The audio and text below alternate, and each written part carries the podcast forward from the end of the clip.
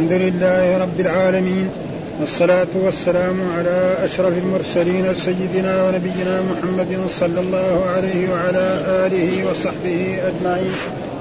قال الإمام البخاري رحمه الله سورة الفتح وقال مجاهد بورا هالكين وقال مجاهد سيماهم في وجوههم السحنة وقال منصور عن مجاهد التواضع شطعه فراخه واستغلظ غلظ سوقه الساق حاملة الشجرة ويقال دائرة السوء كقولك رجل السوء دائرة السوء العذاب. يعزروه ينصروه شطعه شطع السنبل. تنبت الحبة عشرا أو ثمانيا وسبعا فيقوى بعضه ببعض فذاك قوله تعالى فآزره. قواه ولو كانت واحدة لم تقم على ساق. وهو مثل ضربه الله للنبي صلى الله عليه وسلم إذ خرج وحده ثم قواه بأصحابه كما قوى الحبة بما ينبت منها. باب إنا فتحنا لك فتحا مبينا. قال حدثنا عبد الله بن مسلمة عن مالك عن زيد بن أسلم عن أبيه أن رسول الله صلى الله عليه وسلم كان يسير في بعض أسفاره وعمر بن الخطاب يسير معه ليلا. فسأله عمر بن الخطاب عن شيء فلم يجبه رسول الله صلى الله عليه وسلم. ثم سأله فلم يجبه ثم سأله فلم يجبه. فقال عمر بن الخطاب ثكلت أم عمر نزرت رسول الله صلى الله عليه وسلم ثلاث مرات. كل ذلك لا يجيبك قال عمر فحركت بعيري ثم تقدمت أمام الناس.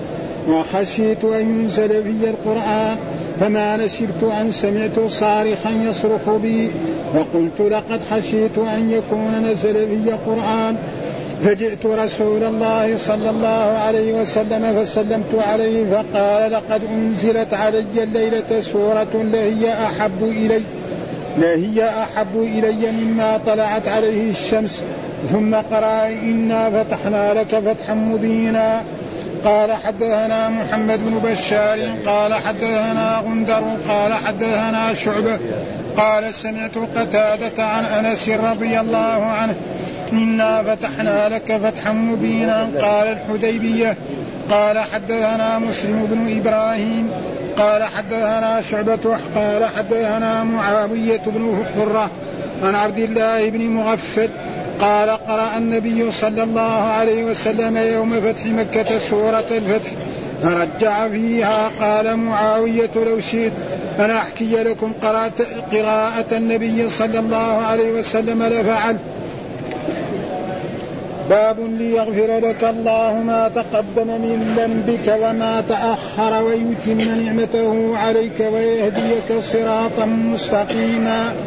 قال حدثنا صدقة بن الفضل قال أخبرنا ابن عيينة قال حدثنا زياد أنه سمع المغيرة يقول قام النبي صلى الله عليه وسلم حتى تورمت قدماه وقيل له غفر الله لك ما تقدم من ذنبك وما تأخر. قال أفلا أكون عبدا شكورا؟ قال حدثنا الحسن بن عبد العزيز قال حدثنا عبد الله بن يحيى قال أخبرنا حيوة عن أبي الأسود سمع عروة عن عائشة رضي الله عنها أن نبي الله صلى الله عليه وسلم كان يقوم من الليل حتى تتفطر قدماه. فقالت عائشة لم تصنع هذا يا رسول الله وقد غفر الله لك ما تقدم من ذنبك وما تأخر. قال أفلا أحب, أفلا أحب أن أكون عبد أن أكون عبدا شكورا. فلما كثر لحمه صلى جالسا فإذا أراد أن يركع قام فقرأ ثم ركع. هنا عندي أنا تعزروه يعني ينصروه ما في عندكم؟ في النسخه حقتي أنا. تعزروه ها؟ ها؟ ثم يصير النسخ مع بعض؟ تعزروه هذا بس هذا طيب خلاص طيب بسم الله الرحمن الرحيم. الحمد لله رب العالمين والصلاة والسلام على سيدنا ونبينا محمد وعلى آله وصحبه وسلم أجمعين. سورة الفتح وهي سورة مدنية باتفاق العلماء. ما في أحد من العلماء يقول أنها سورة مكية ابدا. وهي سورة الفتح وأختلف في معنى الفتح. إيش الفتح؟ فبعضهم قال إنه صلح الحديبية. ها؟ وبعضهم قال أنه فتح خيبر. وبعضهم قال أنه فتح مكة. والصحيح أن الكل. ها؟ يشمل الجميع؟ ها؟ اولها صلح الحديبية. ثم بعد صلح الحديبية جاء يعني فتح خيبر. ثم بعدها كان في عام سبعة. صلح الحديبية في عام ستة من الهجرة.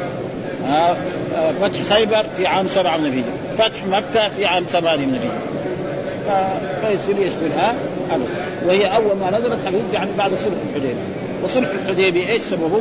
أن الرسول صلوات الله وسلامه عليه عندما هاجر من مكة إلى المدينة هنا وجلس ست سنوات الرسول تشوق إلى إلى الكعبة وإلى الطواف بالكعبة ست سنوات ما طاف الرسول بالكعبة هو وأصحابه فندب أصحابه للعمرة فخرج الرسول صلوات الله وسلامه عليه إلى ذي الحليفة وأحرم بالعمرة ووصل إلى قرب مكة فصدته قريش عن دخول مكة وقالت لا يمكن تدخل مكة ابدا لأنك أنت يعني خرجت منا سرا.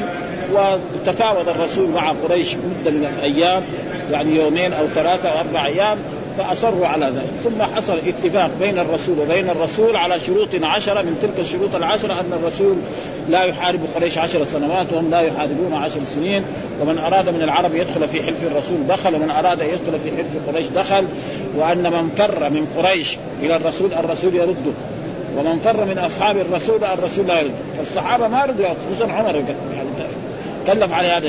ها وبعد أخذ من على كل حال رضي الرسول ونحر هديه وحلق رأسه وعاد إلى المدينة. وفي أثناء ما الرسول كان عائد نعم إلى المدينة يقول إيه أنه في في الطريق يعني بعد ما خرج من من الحديبية ومتوجه نزلت عليه سورة الفتح. وقال إنا فتحنا لك فتحا مبينا ليغفر لك الله ما تقدم من ذنبك وما تأخر؟ إلى تقريبا أكثر السورات ثم شيء بعد ذلك نزل. وهي سورة مدنية وكان الحديبية يقول نزلت بين الحديبية والمدينة من صرفه من الحديبية أو أو بقراع الغنيم، قراع الغنيم معروف السبخه الموجودة بعد جده هذه قريب رابع فهذه تسمى قراع الغنيم وهي سوره مدنية ما في يعني أحد يخالف في ذلك ابدا. ثم قال بسم الله الرحمن الرحيم آه قال مجاهد بورا وقول الله تعالى وظننتم ظن السوء وكنتم قوما بورا. وظننتم ظننتم الضمير في ظننتم الذي هو الفاعل هذا عائد على مين؟ على على المنافقين الذين كانوا بالمدينة وظننتم ظن السوء لأن الرسول لما ندب أصحابه إلى إلى العمرة ما خرج مع الرسول إلا 1400 رجل. أما المنافقون فلم يخرجوا. إيش فكروا؟ فكر أن الرسول إذا ذهب إلى مكة وهو مثلا 1400 قريش آلاف مؤلفه في مكة. انهم يقتلوا الرسول و... و... ولا يعود الرسول. فهذا يعني ظنوا هذا الظن وظننتم ظن السوء كنتم قوم بورا وظنوا أن الرسول لن يعود. فكان البور معناه الهالكين وبالفعل الرسول عاد إلى المدينة. ثم بعد ذلك في عام سبعة دخل الرسول إلى إلى مكة معتمرا وتسمى عمرة القضاء أو عمرة القضية. ثم بعد ذلك في عام ثمانية دخل إلى مكة. ثم في عام عشرة دخل إلى مكة يعني حاجا ومعتمرا.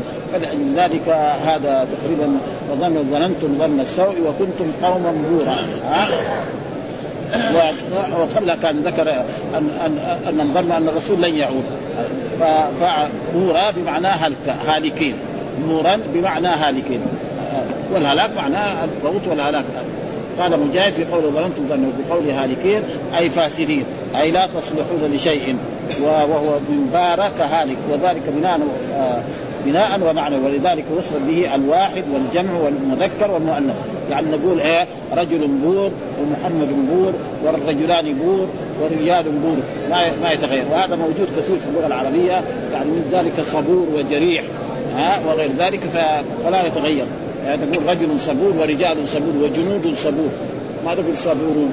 آه وكذلك هنا بور يعني يقال للمفرد وللمذكر وللمؤنث ولا وتقول امرأة صبور يعني بور ها معناه هلكة ها وهذا لا خير فيه.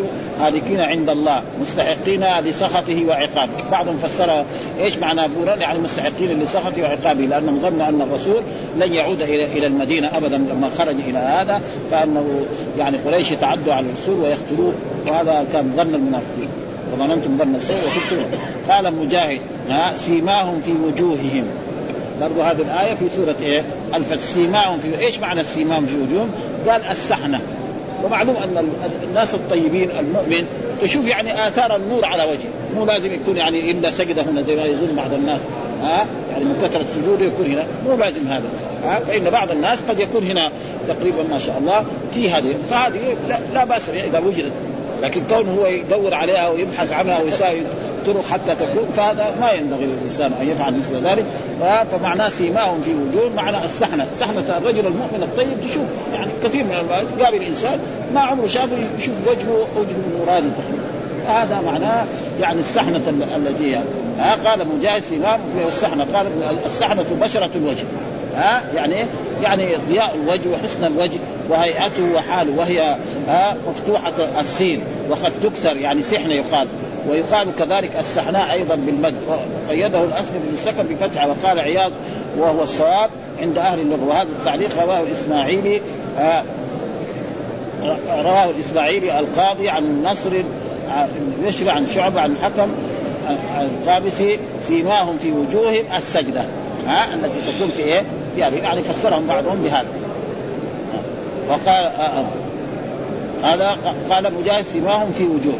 وقال منصور آه الذي هو كذلك من إيه وهذا تعليق لأن البخاري ما أدرك هؤلاء وهذا يسمى تعليق. وقال منصور الذي هو أحد عن مجاهد التواضع. إيش معنى سيماهم في وجوههم؟ معنى تواضع. معلوم أن أصحاب رسول الله صلى الله عليه وسلم كانوا إيه؟ أكثر الناس متواضع ما في مثل متواضع ابدا ها؟ ابدا. ولذلك زي ما قال هذا محمد رسول الله والذين معه أشداء على الكفار رحماء بهم تراهم ركعا سجدا يبتغون فضلا من الله ورضوانه سيماهم في وجوههم من أثر السجود. سيماهم في وجوههم من أثر السجود. ذلك مثل في التوراة ومثل في الإنجيل. كزرع أخرج شطه فآزره فاستغلظ فاستوى على سوقه. يعجب الزراع ليغيظ بهم الكفار. فمعنى سيماهم في وجوه فسره بعضهم السحنه التي تكون في وجه الرجل المؤمن وبعضهم فسره بالتواضع. وإن أصحاب رسول الله صلى الله عليه وسلم كانوا أكثر الناس تواضعا ولا يوجد لهم نظير ابدا في التواضع وفي مثل الأخلاق. ها؟ وهذا تفسير لإيه؟ لمجاهد. قال منصور بن معتمر عن مجاهد في تفسير سمام التواضع وروى أبي حاتم المنذر بن شاذان عن يعلى عن سفيان بن حميد عن مجاهد. سيماهم في وجوه قال الخشوع. ها؟ يعني الخشوع في الصلاة والتواضع. وقال عبد بن حميد حدثنا كذلك سيماهم في وجوههم من أثقال الخشوع. وحدثني معاذ بن عمرو عن زائد عن منصور. وكل المعنى واحد. ينظر الناظر في الذي علقه الله يعني بعضهم يقول أن سيماهم في وجوههم السحنه التي في الوجه وبعضهم قال انه التواضع وبعضهم قال انه الخشوع. والكل يشمل. ها؟ فالرجل المتواضع نعم تجد هذه السيمة فيه طيبة و ها شطعه كزرع أخرج شطأه فآزره. برضه في نفس في نفس الآية هذه. ها؟ شطأه. إيش معنى؟ قال فسره الإمام البخاري فراخه. ها؟ يعني فراخه زي فراخ الأولاد. معلوم الزرع ما له يعني فراخ. إنما له إيه؟ يعني حبة يزرعها الإنسان فتنبت اثنين أو عشرة أو خمسين أو ألف. ها؟ فهذا وفسره بعضهم آه، شطأه. بمعنى النبات الذي يخرج منه. ها فراخه. ها كزرع اخرج فسره بقوله فراخ وهكذا فسره الأخرج يقال الشط إذا إذا فرغ وعن أنس شطه نباته. ها وهذا هو تقريبا. لأن الزرع ما بيجيب فراخ زي مثلا زي الدجاج وزي الطيور. لا إنما النبات حقه يكثر مثل ما قال الله تعالى في كتابه مثل الذين ينفقون اموالا في سبيل الله كمثل حبة أنبتت سبع سنابل في كل سنبلة مئة حبة. والله يضاعف لمن يشاء. واحد يزرع له حبه الحبة هذه خمس سنابل وكذلك الحسنات للمؤمنين هكذا. فهذا معنى شيء. بعضهم فسره بفراخه وبعضهم فسره بنباته. والصحيح هو يعني نباته يعني السد فاستغلظ أي غلظ. ها فاستغلظ يعني يعني قوي. ها معلوم أن الشجر دائما إذا ما كان له ساق ما يقوم. مثلا بعض الزرع البسيط يكون خفيف كذا ها بخلاف النخل والشجر الكبير تجد له إيه؟ ساق. يقوم على ساقه وبعدين فوق يتفرع. فأصحاب رسول الله صلى الله عليه وسلم آه شبههم الله بهذا التشبيه. ها؟ محمد رسول الله والذين معه اشداء على الكفار رحماء بينهم تراهم ركعا سجدا يبتغون فضلا من الله والله. سيماهم في وجوههم من أثر السجود ذلك مثلا في التوراة ومثلا في الإنجيل كزرع أخرج شطأه ها؟ اي نبات فآزره يعني تقوى. واستغلظ صار قوي استوى على سوقه السوق معناه الساق. آه زي ما يقول في بعض الايات صنوان وغير بعض الزرع له صنوان له ساق وبعض الزرع له زي الحبحب الدميري يمشي على الأرض. وبعض الزروعات لا لا كلها يعني جذع وتطلع وتكبر هذا معناه يعني استغلظ الإنسان. سوق آه، بعدين قال سوق الساق حاملة الشجر وهو إيه؟ يعني يعني الجذع الذي إيه يكون عليه الشجر. قال فاستوى على سوقه يعني على أصوله. والسوق بالضم جمع ساق وفسره بقوله والساق حاملة الشجرة وهي جذعه. وهكذا فسره الجواد شطأه ها شطأ السنبل أي نبت نبتت نبت نبت الحبة ها نبت الحبة عشرة. وهذا مثل الآية مثل الذين ينفقون أموالهم في سبيل الله كمثل حبة أنبتت سبع سنابل في كل سنبلة مئة حبة. فيصير إيه؟ كما جاء في الحديث الحسنة بعشر سارية إلى سبعمائة ضعف إلى أضعاف كثيرة. فواحد قد يزرع حبة من الحبات فهذه الحبة تساوي سبع سنوات. في كل سنبلة نعم سبع. فيصير شيء كثير. وكذلك الإنسان حسنة يعني قد كما جاء في أحاديث مرت علينا في دراستنا أن الإنسان لا يتصدق بالصدقة فتدع فتقع في يد الرحمن فيربيها كما يربي أحدكم فلوه حتى تكون مثل جبل أحد من الثواب من الاجر وهي قرش أو أبد. أو تمرة أو غير ذلك. فلأجل ذلك هذا ويقول على تنبت الحبة عشرا وثمانيا وسبعا فيقوى بعضه بعضا فذاك قوله نعم فذاك قوله فآزره. ها فآزره معناه قواه. ها كانت واحدة ولو كانت واحدة لم تقم على ساق. لو كانت واحدة الحبة ما تقوم على ساق. إنما اللي يقوم على ساق يكون في جذع ها فكذلك أصحاب الرسول تقوى بعضهم ببعض. أول كان مثلا الرسول صلى الله عليه وسلم. وحده ها بعدين تقوى بأصحابه. بعد ذلك أصحابه تقووا بالمؤمنين فتحوا العالم كله. هذا معنى المثل يعني يتمثل هذا المثل هو بهذا. الرسول أول وحده ابدا. ها ثم بعد ذلك لما دعا إلى الإسلام أول من آمن مثلا من الرجال أبو بكر. ها أول من آمن من النساء مثلا خديجة. أول من آمن من الصبيان. علي بن أبي طالب أول من زيد. بعد ذلك كثروا بعد ذلك عمر أبو عثمان علي وهكذا حتى بعد ذلك أصبحوا شيء ها جيوش عظيمة. يعني يكفي في في في فتح مكة كان جيش الرسول كان 12000 وبعد ذلك صار في عهد عمر صار أكثر من 30000 و40000 و50000 فهذا. يقول ولو كانت واحدة تقوم ومثلا ضربه الله النبي صلى الله عليه وسلم إذ خرج وحده ثم قواه بأصحابه كما قوى الحبة بما ينبت منها. ها؟ وهذا مثل والمثل دائما يقرب الأمور يعني المعنوية إلى شيء محسوس. هذا هو المثل فائدة. وكثير ما القرآن وهذه الأمثلة كان بعض المشركين يعيبها. ها؟ يعني يقول مثلا العنكبوت اتخذت بيتا وإن أوهن البيوت لبيت العنكبوت لو كانوا يعلمون. فمثلا العنكبوت معلوم أن بيته خفيف. فالذي يعني يستعين بالله أو يستغيث بالله يعني مثله كمثل بيت العنكبوت، بيت العنكبوت العنكبوت نفسه ما ينفع. ابدا. ها؟ لأنه خفيف. لو بعود كذا صغير يخرب. ها؟ وكذلك مثلا يا الناس ضربوا مثلا فاستمعوا له. إن الذين تدعون من دونه لا يخلقوا ذبابا ولو اجتمعوا له. ها؟ إن الله لا يستحي أن يضرب مثلا ما بعوضة فما كثير أمثال في القرآن. ها؟ فهذه الأمثال تقرب المعاني يعني الأشياء المعنوية إلى أشياء محسوسه والمثل موجود في في اللغة العربية من أول. يعني في اللغة العربية موجود. فالقران كمان أتى بهذه الأمثلة ها, مثلا العرب كانوا يقول الصيف ضيعت اللبن. معنى؟ ها؟ يعني فإيش معنى الصيف ضيعت اللبن؟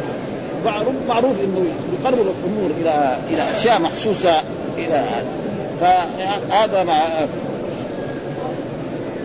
كمثل حبة أنبت السبع وهو قو وهو مثل ضربه الله إلى آخره.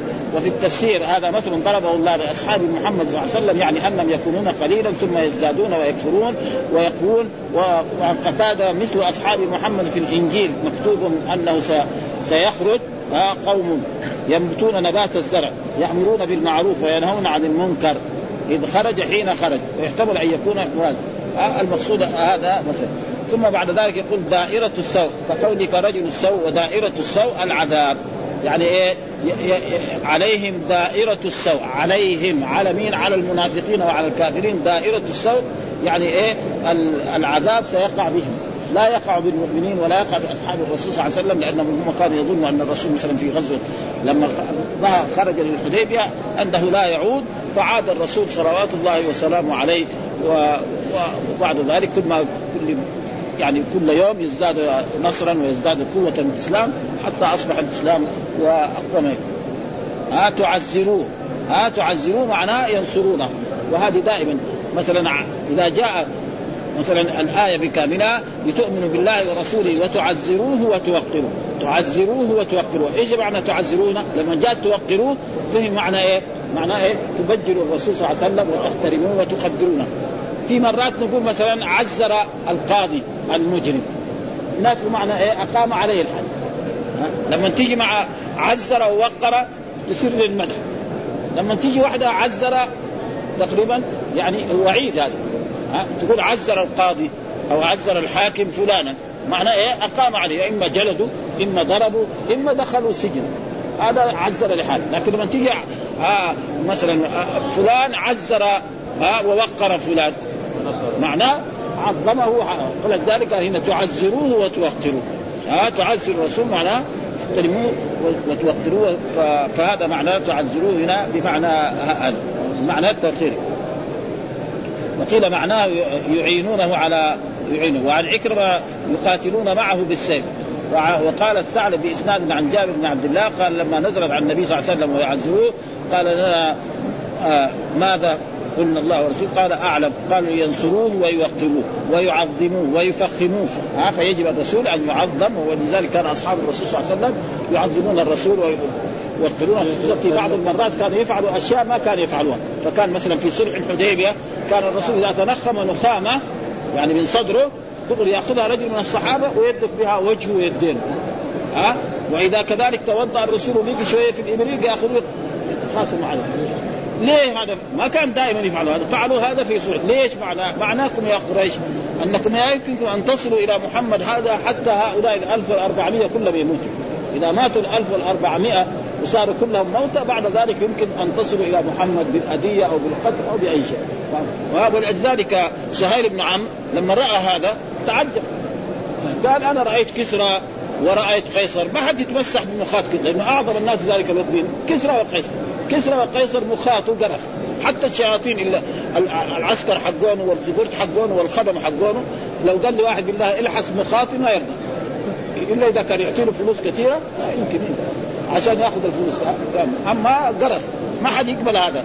ها قرف ها. فلذلك وكان الرسول يفعل هذا مع الصحابة في بعض المرات. فهذا يعني غاية في التوقير وغاية في التوقير فمعنى هنا تعزروه معناه تعظموه وتوقروه وتفخموه ثم بعد ذلك قال باب إنا فتحنا لك فتحا مبينا. إيش الفتح؟ معناه إما يعني يعني صلح الحديبية يمكن نفسره وهو يكون تفسير صحيح أو كذلك فتح خيبر فإنه بعد ذلك.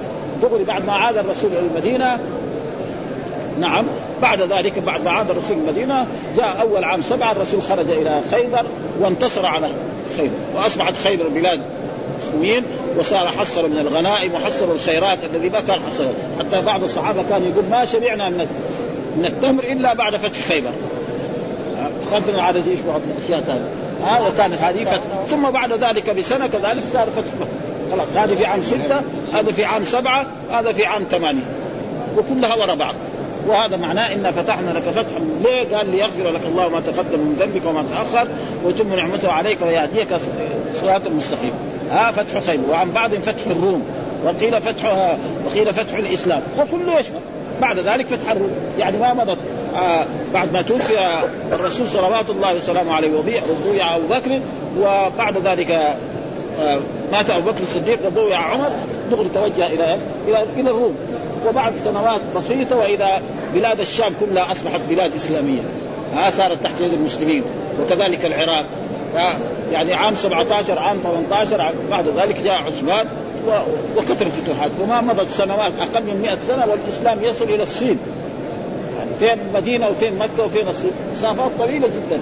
ها وما وكذلك وصل إلى أوروبا. وأفريقيا كذلك كلها. هذه اللي كانت معروفة. أما أمريكا هذه ما كان معروفة.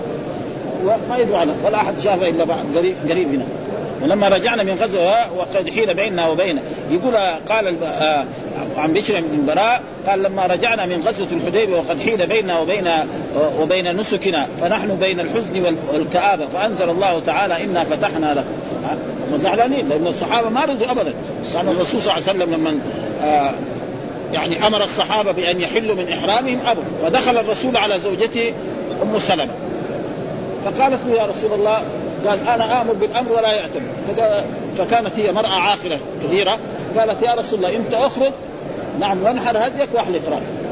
ولا تكلم. بالفعل.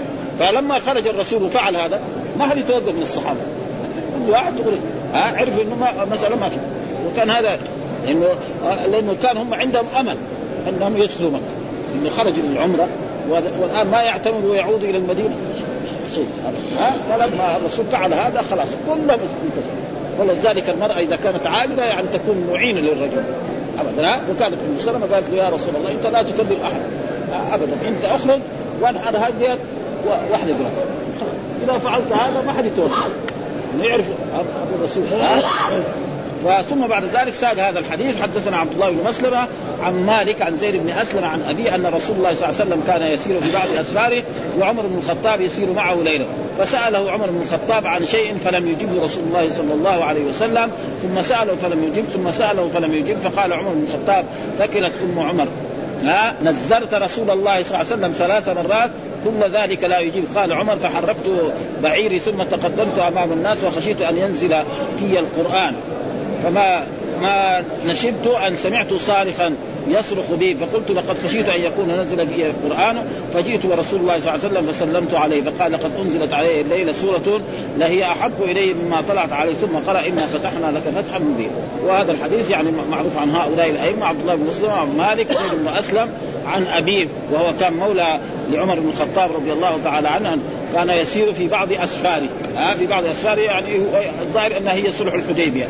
ها بعض أسفاره في صلح وعمر بن الخطاب يسير معه. فسأله عمر بن الخطاب عن شيء. يعني عمر بن الخطاب قال يا رسول الله أخبرني عن الشيء الفلاني. أو سأل مسألة علمية فلم يجبه الرسول صلى الله عليه وسلم. ثم أعاد عليه مرة ثانية فلم يجب. ثم مرة ثالثة فلم يجب. فخشي يمكن ارتكب ذنبا. كون الرسول ما يخاطب عمر؟ يخوف الإنسان. والرسول غضبوه يعني فلم يجب فقال فقال عمر ثكلت أم عمر. يعني وثكلت هذه اصلها معنى فقدتك أمك هذا معناه في اللفظ العربي. لكن المراد به ليس الدعاء. ها وهذا كثير ما كان الرسول يقول يقول لي مثلا لعائشة تربت يمينه. وقال مثلا لصفية عقرة حلقة. في حجة الوداع. لما الرسول حج حجة الوداع وجاء إلى منى فقيل له إن صفية حائض في أيام منى. فقال عقرة حلقة. يعني إيه عقرة؟ معناه عقرها الله جعلها عاقر وحلقة حلق الله رأسه. إذا كان دعاء معناه تموت صفية على طول. يمكن فهذه ألفاظ تخرج إيه؟ مخرج العرب. فالرسول كان يتكلم بها وكذلك سكلتك أمك أصل معناه ما لكن هنا إيه؟ معناه يعني زي ما قال تربت تربت يداك معناه افتقرت يداك افتقرت. معناه دعا بالفقر. فإذا دغري يصير إنسان فقير. فإذا الرسول بيتكلم بألفاظ عربية يعني ليس المقصود منها. وكذلك عمر قال فقدتك أمك هنا. يعني فقدتك أمك ولكن ليس المراد به يعني أن تفقده أمه إنما خشي انه لما يخاطب الرسول ويكلم الرسول ثلاث مرات والرسول لا يجيبه معناه لعله ارتكب ذنبا من الذنوب. ها؟ فالرسول يعامل بهذا ثم بعد ذلك أخذ عمر راحلته وتقدم أمام الجيش. وبينما هو هناك في هذا يعني سمعت صارخا. يعني واحد ينادي ويقول يا عمر بن الخطاب. يا عمر بن الخطاب يا عمر فجاء يجري حتى وصل إلى الرسول صلى الله عليه وسلم. نعم وخشي أن يكون نزل فيه القرآن. لأن القرآن دائما بينزل. ها من يوم بعث الرسول في 23 سنة بينزل القرآن. مرة ينزل آية مرة آيتين مرة عشرة مرة وآيات كثيرة بتنزل في المنافقين. لا يكون نزلت فيها. فلما وصل إلى الرسول صلى الله عليه وسلم فجئت ورسول الله صلى الله عليه وسلم فقال لقد أنزلت علي الليلة سورة.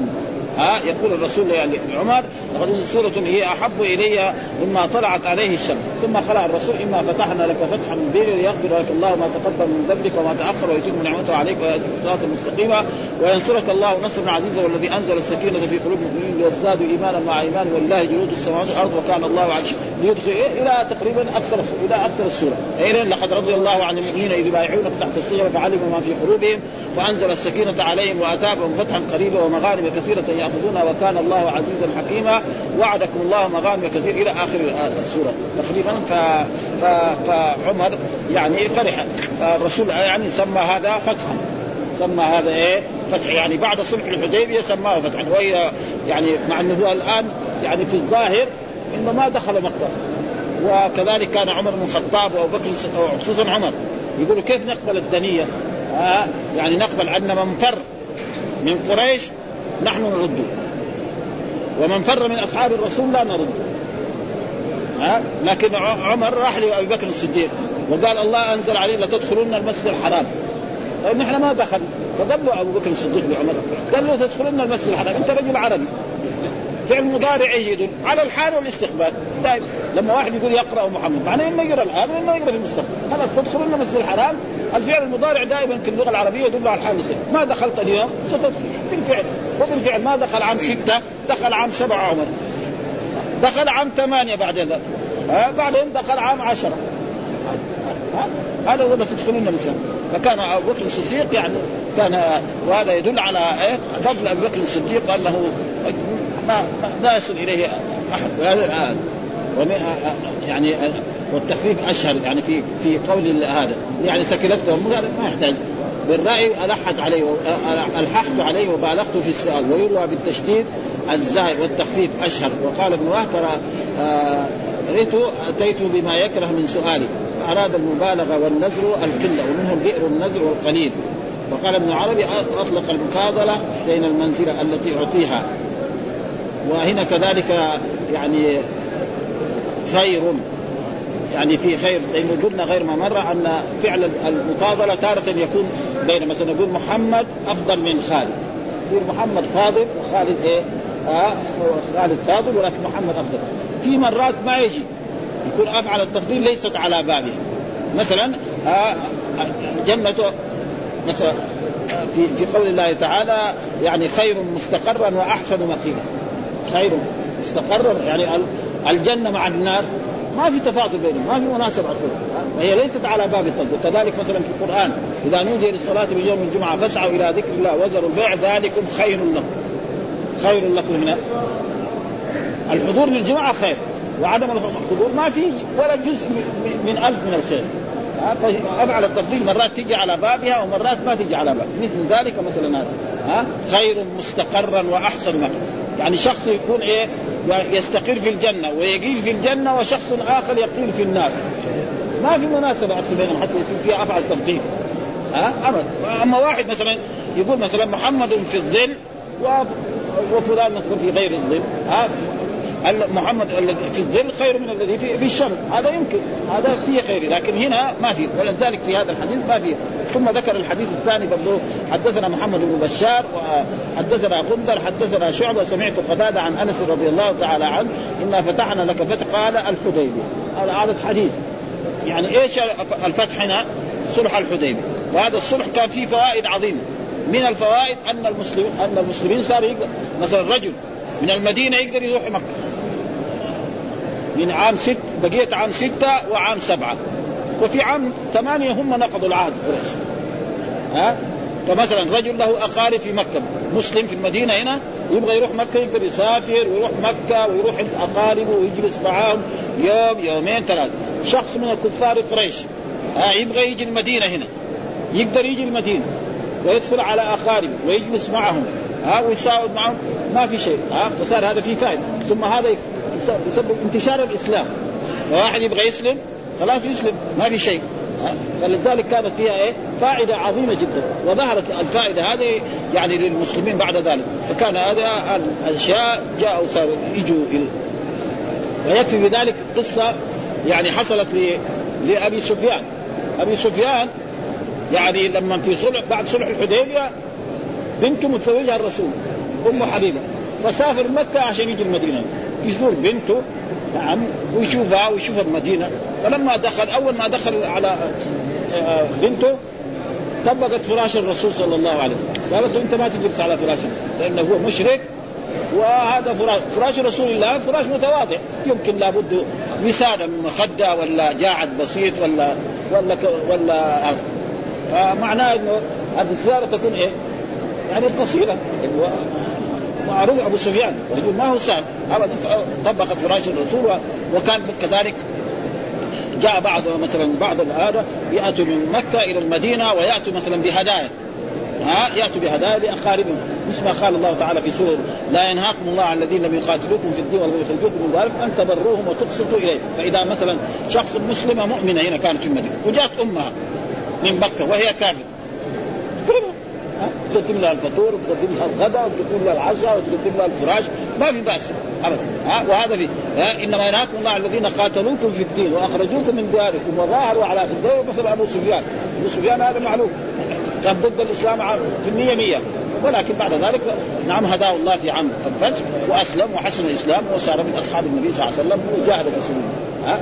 فلذلك هذا فالفتح هنا بهذا الحديث النص أن الفتح هذه فتح إيه؟ خيبر يعني صلح الحديبية الحديث الثاني حدثنا مسلم بن إبراهيم حدثنا شعبة حدثنا معاذ بن قرة عن عبد الله بن مغفل قال قرأ النبي صلى الله عليه وسلم يوم فتح مكة سورة الفتح فرجع فيها قال معاوية لو شئت أن أحكي لكم قراءة النبي صلى الله عليه وسلم لفعل هذا دليل على أن إيه كذلك فتحنا لك فتح مكة يسمى. فإذا فتح مكة إنا فتحنا لك يشمل إيه؟ الحدود. صلح الحديبية ويشمل فتح خيبر؟ ويشمل فتح مكة؟ كله. ها؟ والصحابي هذا إيش يقول؟ يقول أن عبد الله أن يوم فتح مكة لما دخل الرسول مكة في عام ثمانية في رمضان في يعني يمكن في اليوم يعني الثاني والعشرون من شهر رمضان من عام ثمانية آه، الرسول قرأ سورة سورة الفتح. وهذه القراءة يمكن كذا أو قرأها في الصلاة فتح مكة فرجع فيها. إيش معنى الترجيع؟ أن يقرأ الكلمات كلمات كلمة يعني مثلا زي مثلا انا فتحنا لك فتحا مبينا ليغفر لك الله ما تقدم من ذنبك. يعني يقرأها قراءة طيبة الحركات باينة والمدود باينة. إذا في مد إدغاء في, في مد. متصل أو منفصل أو في إدغام أو في إخفاء أو في إظهار يبين. هذا معناه الترجيع. ها؟ هذا معنى الترجيع. ها؟ يقرأ قراءة إنا فتحنا لك فتحا مبينا ليغفر لك الله ما تقدم من ذنبك وما تأخر ويتم نعمته عليك. سورة الله ونصره والذي أنزل السكينة إلى آخر السورة. فقرأ الصحابة معناه إنه اذا الفتح إيه؟ فتح مكة. ها؟ فالصحابي يقول لو أنا أردت أقرأ لكم مثل ما قرأ الرسول كان أقرأ لكم. إن الرسول مثلا صلوات الله وسلامه عليه كان من أحسن الناس صوتا. ها قراءة ممتازة وقراءة ولذلك صحابي يقول أن الرسول مرة من المرات في سفرة صلى معهم صلى بأصحابه وقرأ سورة التين والزيتون وطور السنين. يقول فما رأيت يعني أجرا أحسن صوتا. نعم ولا أحسن قراءة من رسول الله صلى الله عليه وسلم. وكان من عادة الرب سبحانه وتعالى الذي فطر بها الأنبياء كل نبي يكون إيه؟ صوته جميل. وقد حصل ذلك الرسول مر على أبي موسى الأشعري وهو يقرأ. قراءة طيبة كذا مجودة على أحسن ما فقال له لقد أوتيت مزمارا من مزامير آل داود. الرسول يقول لي إيه؟ أبي موسى الأشعري. لقد أوتيت يعني قراءة كون الإنسان يقرأ القرآن بصوت حسن هذا شيء ممدوح ها؟ جميل. قال قال له أبو موسى لو لو كنت علمت أنك تستمع لحبرته لك تحبيرا كمان. ها؟ يعني كان إيه؟ كان ازينه كمان زيادة يعني ها؟ وهذا ما يسمى رياء ها؟ ما يسمى رياء يعني ها؟ يعني ولو كنت أعلم أنك تستمع وكذلك الرسول مرات يسمع القرآن من غيره وقد حصل ذلك في مر علينا في سورة أن الرسول مره من المرات قال لعبد الله بن مسعود اقرأ علي. قال له كيف أقرأ عليك وعليك أنزل القرآن؟ يعني ما هو أدب القرآن وزعج أنت تقرأ وأنا أستمع. قال لا أنا أحب أن أسمعه من غيري. فقرأ له من سورة يعني سورة النساء من أولها حتى وصل فكيف إذا جئنا من كل أمة بشهيد وجئنا بك على هؤلاء شهيدا؟ يومئذ يرد الذين كفروا وعصوا الرسول ان تسوى بهم الأرض. ولا يقول فقال الرسول ما اسكت. وإذا به لما رفع رأسه وإذا يعني الرسول يعني يبكي بكاء من من القراءه فهذا معناه يعني فرجع قال معاوية ولو شئت أن أحكي لكم قراءة النبي صلى الله عليه وسلم. يعني أقرأ لكم مثل ما قرأ الرسول صلى الله عليه وسلم في سورة الفتح أقرأ ها؟ لكن ما أراد. هذا ثم ذكر بعد ذلك حدثنا صدقة بن الفضل قال أخبرنا ابن عيينة آه، حدثنا زياد أنه سمع المغيرة يقول قام النبي صلى الله عليه وسلم حتى تورمت قدماه فقيل له غفر الله لك ما تقدم من ذنبك وما تأخر قال أفلا أكون عبدا شكورا. يعني الرسول معروف إن قال إنا فتحنا لك فتح مبينا ليغفر لك الله ما تقدم من ذنبك وما تأخر. طيب إذا كان غفر الله له ما تقدم من ذنبك وما تأخر. مو لازم يعني يؤدي الأشياء النوافل الكثيرة حتى يصلي حتى تتكتر قدماه. معناته تنشق قدماه إيش معنى تتكتر بعدها تنشق قدماه فلذلك ما كان. فقالت له عائشة ليش تفعل هذا القدم قال أفلا أكون عبدا شكورا؟ هذا من شكر النعم. والعبد العظيم الذي أدى حقوق الرب سبحانه وتعالى أحسن شيء هو الرسول محمد صلى الله عليه وسلم. لا يصل إلى درجته أي أحد. ها؟ في العبودية الخالصة لله سبحانه وتعالى. أبدا. ها؟ أبدا. ما حد يصلي فلذلك هو كان يصلي يعني صلوات ويصلي حتى تتفطر قدماه. وكان مع ذلك كان يصلي كم؟ يقول ما كان يزيد لا في رمضان ولا في غيره عن إحدى عشر ركعة. تقول عائشة كده الرسول كان يصلي أربعا فلا تسع عن حسنهن وطولهن. ثم أربعا فلا تسع عن حسنهن وطولهن. ثم بعد ذلك ثلاث. وقد حصل ذلك أن رجلا من الصحابة جاء إلى رسول الله صلى الله عليه وسلم ليصلي معه قيام الليل. يقول فابتدأ الرسول مرة من المرات بالفاتحة وقرأ سورة البقرة وقرأ آل عمران وقرأ النساء في ركعة واحدة. فالصحابي قال لقد هممت إيه قالوا إيش هممت؟ قال من هذه الصلاة. الصلاة ما تخلص من أنا. أنا أبغى أصلي ركعتين ثلاث ركعات يعني خفيفة بالضحى ولا الليل ولا مثلا بسورة يعني يا أيها المزمل يا أيها المدثر. لكن الرسول الآن ابتدى مثلا ثلاث سور في ركعة واحدة قال لقد هممت. قالوا هممت. إيه؟ قال هممت أبطل الصلاة. يعني بطل الصلاة يروح يركض ابدا. هذا شيء ما يخلص هذا. ها ومع ذلك الرسول غفر له ما تقدم من ذنبه وما تأخر. فلذلك كان يفعل هذه الأشياء عشان يفهم. وعلى كل حال الذي ما يقدر يصلي هذا ما يكون يصلي في جماعة يصلي العشاء في جماعة ويصلي الفجر في جماعة فان من صلى العشاء في جماعة فكأنما قام نصف الليل ومن صلى يعني الفجر في جماعة فكأنما قام نصف فكأنما قام. فإذا كان كمان صلى كمان ركعات إن شاء الله صار نور على نور. ها والقران مدح الذين يعني يصلون في الليل تتجافى جنوبهم عن المضاجع وبالأسحار يستغفرون. وهذا لا يلزم من ذلك أن يعني كما كان تمطع بعض إخواننا من طلبة العلم يقولوا لا أنه ما يجوز لإنسان في التراويح أو في هذا يزيد عن 11 ركعة. لا هذا كله عدم فهم ليه؟ لأن في حديث من قام رمضان إيمانا واحتسابا. من قام؟ يعني إيه؟ من يقوم؟ لأنه دائما أداة الشرط لما تدخل على الماضي تخليه توديه الحال. الحال والاستقبال قاعدة عامة. أداة الشرط دائما. من قام رمضان؟ يعني بس الصحابة؟ لا. من يقوم رمضان؟ من عهد الرسول إلى أن تقوم القيامة. من يقوم رمضان إيمانا واحتسابا يغفر له ما تقدم من ذنب هذا معنى الحديث هذا. أردنا رسول من يقوم رمضان إيمانا واحتسابا يغفر له. ليس معناه بس الصحابة. لا أبدا. وهذه دائما أداة الشر. إذا دخلت على الماضي تنقل إلى المستقبل. أو تنقل إلى الحال. هذه قاعدة عامة في اللغة العربية. من ذلك إن أحسنتم أحسنتم لأبو. يعني إيه؟ يعني إن تحسنوا. ومن أساء فعليه. يعني ومن إيه؟ يسيء. هذا معناه. كده. ها فلذلك يقولوا لا بس واحد ما يزيد فهذا كمان غلط كلها عدم الفهم. يقول لك لا ما دام الرسول يصلي 11 ركعة نحن نصلي تراويح 20 ركعة. ما يصير جائز ما يصلي 20 مين اللي فعل هذا؟ عمر بن الخطاب. ها؟ ها؟ عمر بن الخطاب لأنه في عهد الرسول ما في تراويح. ها؟ الرسول صلى ليلة أو ليلتين لما شاف الناس يجتمعوا بطل. ها؟ خشى أن يفرض عليهم قيام الليل. بعد ذلك عمر بن الخطاب في عهده في خلافته كان يصلي العشاء إمام ثم يمر ويشوف عشر امتار هناك يصلي بامام هناك ستة امتار هناك ثمانية امتار قال هذه هذه تفرق. فراح نادى أبي قال له تعال يا ها؟ أنت صلي بالناس. الإمام أمر يصلي 20 ركعة وثلاثه إيه؟ نعم الوتر. وموجود في الموطأ انه 36 كمان واحد يصلي مثلا آه، أكثر من ذلك. ها بس يصلي بإيه؟ بتمعن. مثلا في بعض الناس كمان يتوجه يقول لك يختم القرآن في ليلة. هذا ما هو من يعني ما هو مشروع. لأن إذا ختم القرآن في ليلة إيش فهم من القرآن؟ ما في شيء. ها؟ ها؟ يعني ابتدى من المغرب وجاء الفجر وهو ختم القرآن. بس أنا ختمت القرآن في ليلة. لكن إيش فهم من القرآن؟ ما في شيء أما لو قري جزء وتفهم إيش يقرأ كان هذا أحسن. أو قري جزئين أو ثلاثة أجزاء يمكن يعني يكون هذا أحسن. ولذلك في هذا الحديث. قال أفلا أكون عبدا شكورا. والحديث الثاني برضو حدثنا الحسن بن عبد العزيز قال حدثنا عبد الله بن يحيى أخبرنا آه، حيوة عن أبي الأسود سمع عروة عن عائشة رضي الله أن النبي صلى الله عليه وسلم كان يقوم من الليل حتى تفطرت قدماه، يعني حتى تشققت قدماه، فقالت عائشة لم تصنع هذا يا رسول الله؟ وقد غفر الله لك ما تقدم من ذنبك وما تاخر، أفلا اكون عبدا شكورا، فلما كثر لحمه وهذا شوية يعني كثر لحمه الرسول ما كان يعني سمين. ها؟ الرسول كان رجل يعني ليس بالطويل وليس بالقصير وكان ربعا يعني إذا هنا يعني أخذوها بالمعنى. فلما اسن ها كثر لحمه لأن العادة أن الناس مثلا لما يكون شاب صغير يكون نحيف.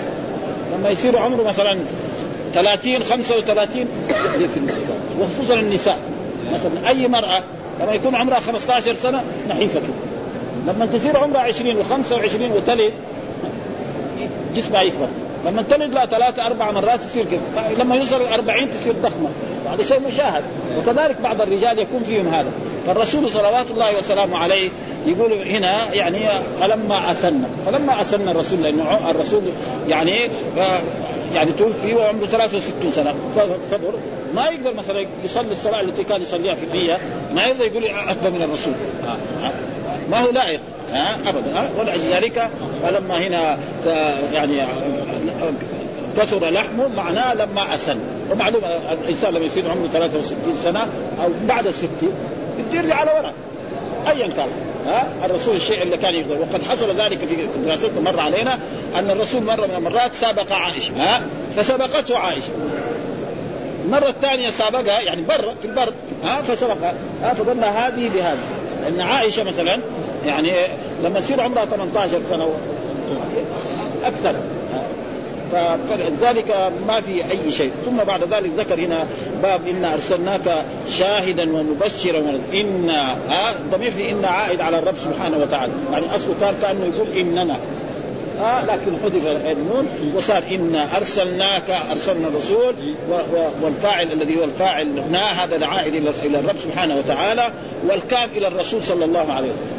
يعني ان آه إن الله أرسل الرسول محمد صلى الله عليه وسلم شاهدا ومبشرا ونذيرا شاهدا يشهد على على المؤمنين الذين آمنوا به ومبشرا للمؤمنين بالجنة ومخوف للكافرين بالنار ولذلك الرسل كلهم رسلا مبشرين ومنذرين لئلا يكون الناس على الله حجة بعد الرسل ها أه؟ ولذلك هنا يقول في هذا أرسلناك شاهد مبين ها أه؟ لأنه يبين الحكم ها فسماه شاهد وبمشاهدته الحال والحقيقة فكأنه الناظر بما شاهد ويشهد عليهم. مثل ما قال في آية فلنسألن الذين أرسل إليهم ولنسألن المرسلين فلنقصن عليهم بعلم وما كنا غائبين. فلنسألن الذين أرسل إليهم.